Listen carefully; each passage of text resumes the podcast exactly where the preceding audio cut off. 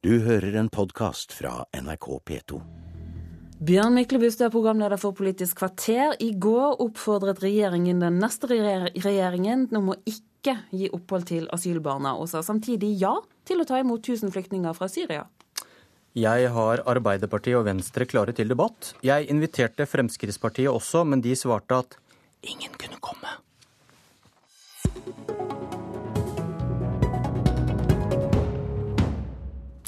Velkommen, Guri Melby fra Venstre. Takk skal du ha. 1000 flyktninger fra Syria. Er det grunn til å tro at dette blir noe av med en ny regjering? Eh, Venstre kommer i hvert fall til å jobbe for det. Eh, jeg syns det er veldig bra nå at regjeringa setter av penger i budsjettet til å ta imot flere flyktninger fra Syria. Vi vet jo at det er en enorm humanitær katastrofe, og at det er millioner av mennesker på flukt. Og det at Norge skal ta sin del av ansvaret og ta imot noen av de her flyktningene, det mener jeg faktisk er det minste vi kunne gjøre. Du hørte åpen skepsis fra Siv Jensen i går, og Erna Solberg sier også at det beste ville være å hjelpe flyktningene der de er. Og så sitter dere i Nydalen. Ja, eh, nå vet vi at det er over 700 000 syrere i Libanon. En fjerdedel av Libanons befolkning er nå flyktninger fra Syria.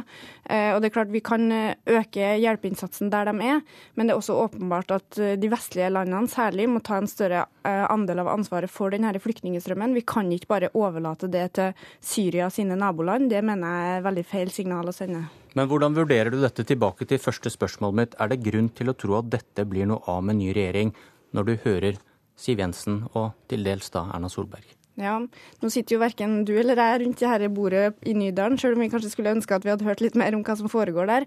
Eh, så jeg vil ikke spekulere i hva de forhandlingene ender med, men jeg skal i hvert fall eh, love det at Venstre kommer til å kjempe med nebb og klør for at denne posten skal bestå på et budsjett, enten vi sitter i eller utenfor regjering. Pål Lønseth fra Arbeiderpartiet og statssekretær i Justisdepartementet. Disse flyktningene kommer jo ikke med en gang. Kunne dere overlatt FNs bønn om økt kvote til den nye regjeringen? Vi skulle venta lenger, så ville vi jo ha kommet uh, langt inn i vinteren før de første hadde kunnet komme ut til Norge. Uh, det var viktig for oss å komme nå med denne beslutningen etter en lengre tids dialog med høykommissæren, hvor vi har drøfta eh, hvordan vi best eh, kan hjelpe til. Vi har jo allerede gitt eh, nærmere 900 millioner humanitært nylig 275 millioner til denne konflikten nylig. Sånn at, men nå det, var det viktig også å markere at vi bl.a. på bakgrunn av høykommissærens ønske at vi tar kvoteflyktninger. Så er det jo sånn at et nytt flertall eh, vil jo faktisk eh, kunne eh, stanse dette. Så vi, Det er jo selvfølgelig sagt til kommissæren at dette er forbehold om Stortingets godkjenning. Melby, kunne og burde Lønseth og regjeringen ventet på dere? Jeg undrer meg jo litt over timinga, men det er kanskje mer overraska over at de ikke gjorde det tidligere enn nå. Det er jo flere land rundt oss, f.eks. Sverige, som, eh, som, ga beskjed om det her for en god stund siden, at de ville ta imot flere flyktninger fra Syria. Så jeg lurer jo på om det er en spesiell grunn til at de ikke ønska å gå ut med det i valgkampen. Vi vet jo at Arbeiderpartiet har vært livredd for å framstå som ikke så streng i innvandringspolitikken, eh, og det har vært viktig for dem å opprettholde den profilen. Eh, blant annet når vi snakker om de asylbarna som vi skal snakke om senere i sendinga. Så eh, jeg syns det er litt rart at man ikke sa fra om det her tidligere, men jeg syns det er bedre at det kom nå enn at man hadde venta. For som Lønseth sier, så er det her den sjansen vi har til å få det her på plass allerede kanskje tidlig neste år. Lønseth? Det er jo sånn at vi må se på hvordan vi best kan bruke ressursene totalt sett.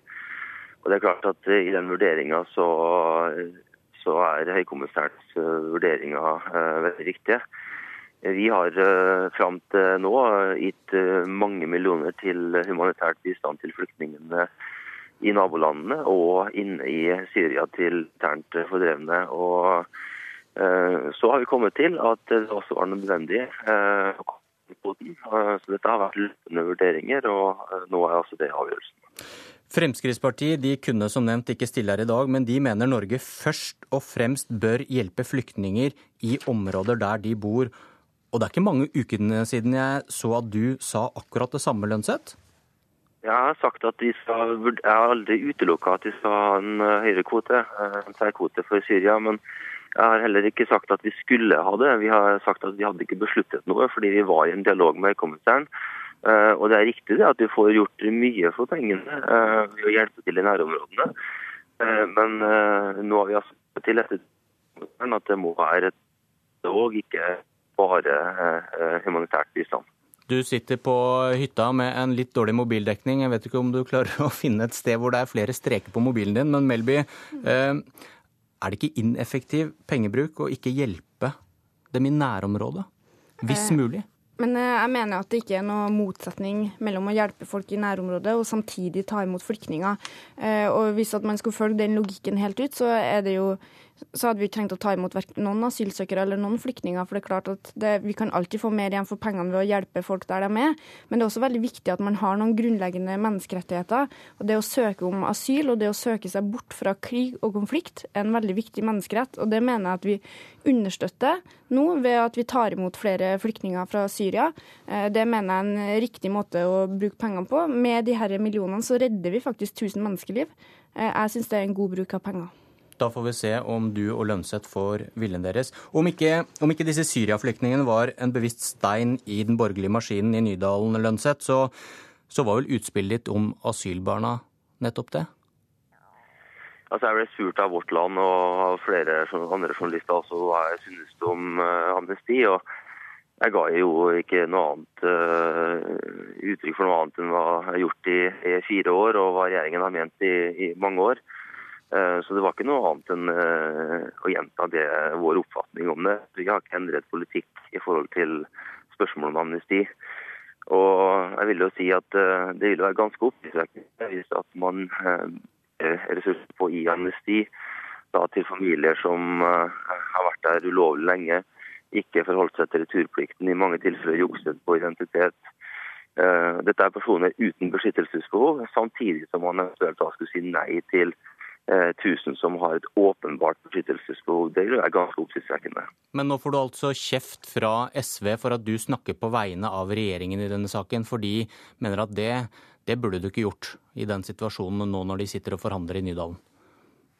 Ja, det er vanskelig for å se hvorfor jeg ikke skulle gjøre det. Vi slutter jo ikke å mene om noe, uh, mene ting om noe fordi noen sitter og forhandler i Nydalen. Melby, igjen, er det utidig, utidig innblanding fra Lønseth? Ja, Det kan man si, men en skal jo ha ros for at han er konsekvent. Og denne regjeringa har jo vært konsekvent i sin behandling av asylbarn.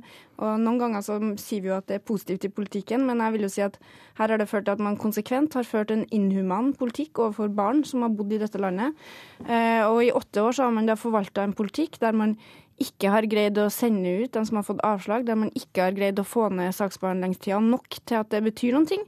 Der vi da har hatt barn som har bodd der i åtte, ni, ti år og levd i frykt for at politiet skal komme og sende dem ut. Vi har sendt ut barn som er født i Norge.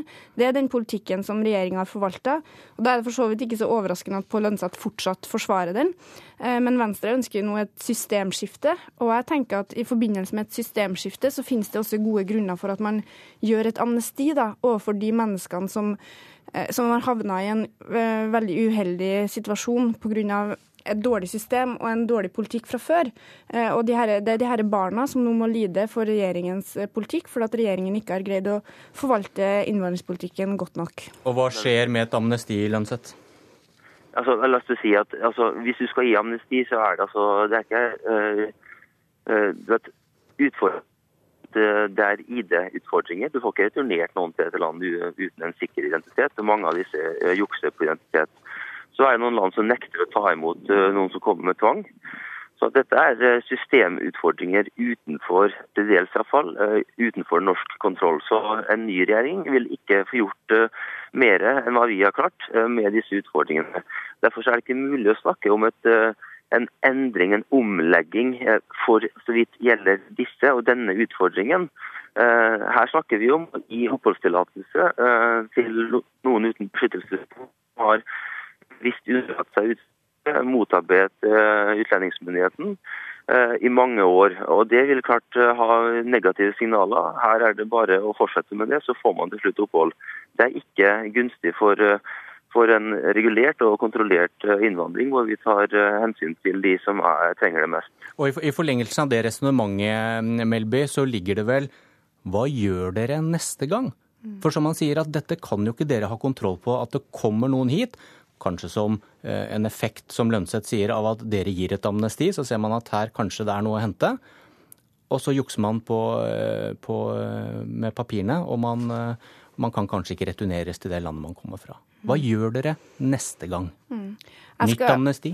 Jeg skal være den første til å innrømme at det er ikke noe enkelt. Og Pøll Lanseth har helt rett at mange av dem her er det veldig vanskelig å returnere. Men det betyr jo ikke at vi skal gi opp og forbedre politikken. Eh, det mener jeg er en helt feil holdning. Eh, jeg skulle gjerne sett at man slapp å ha amnesti. Og nå er det ca. ti år siden sist gang vi gjorde det. Eh, og intensjonen var jo så klart at det her skulle være et engangstilfelle.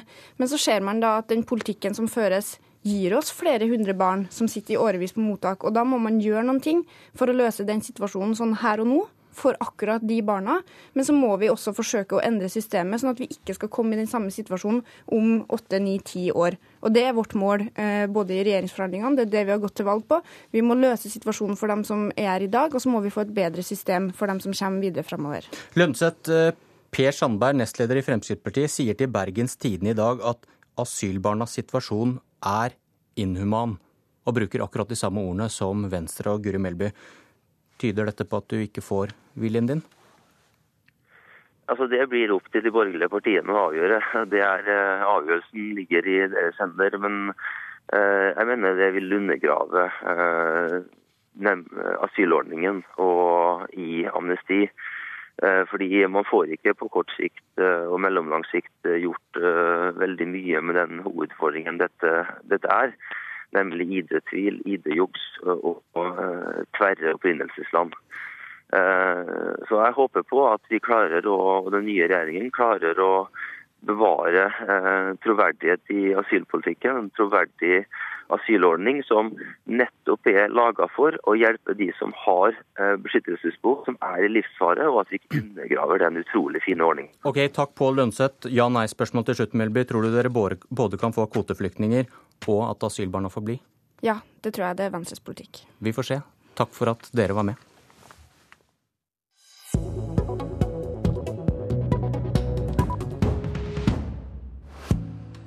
Christian Tybring-Gjedde hvisker ikke. Vil dere slutte å bruke ordet snikislamisering?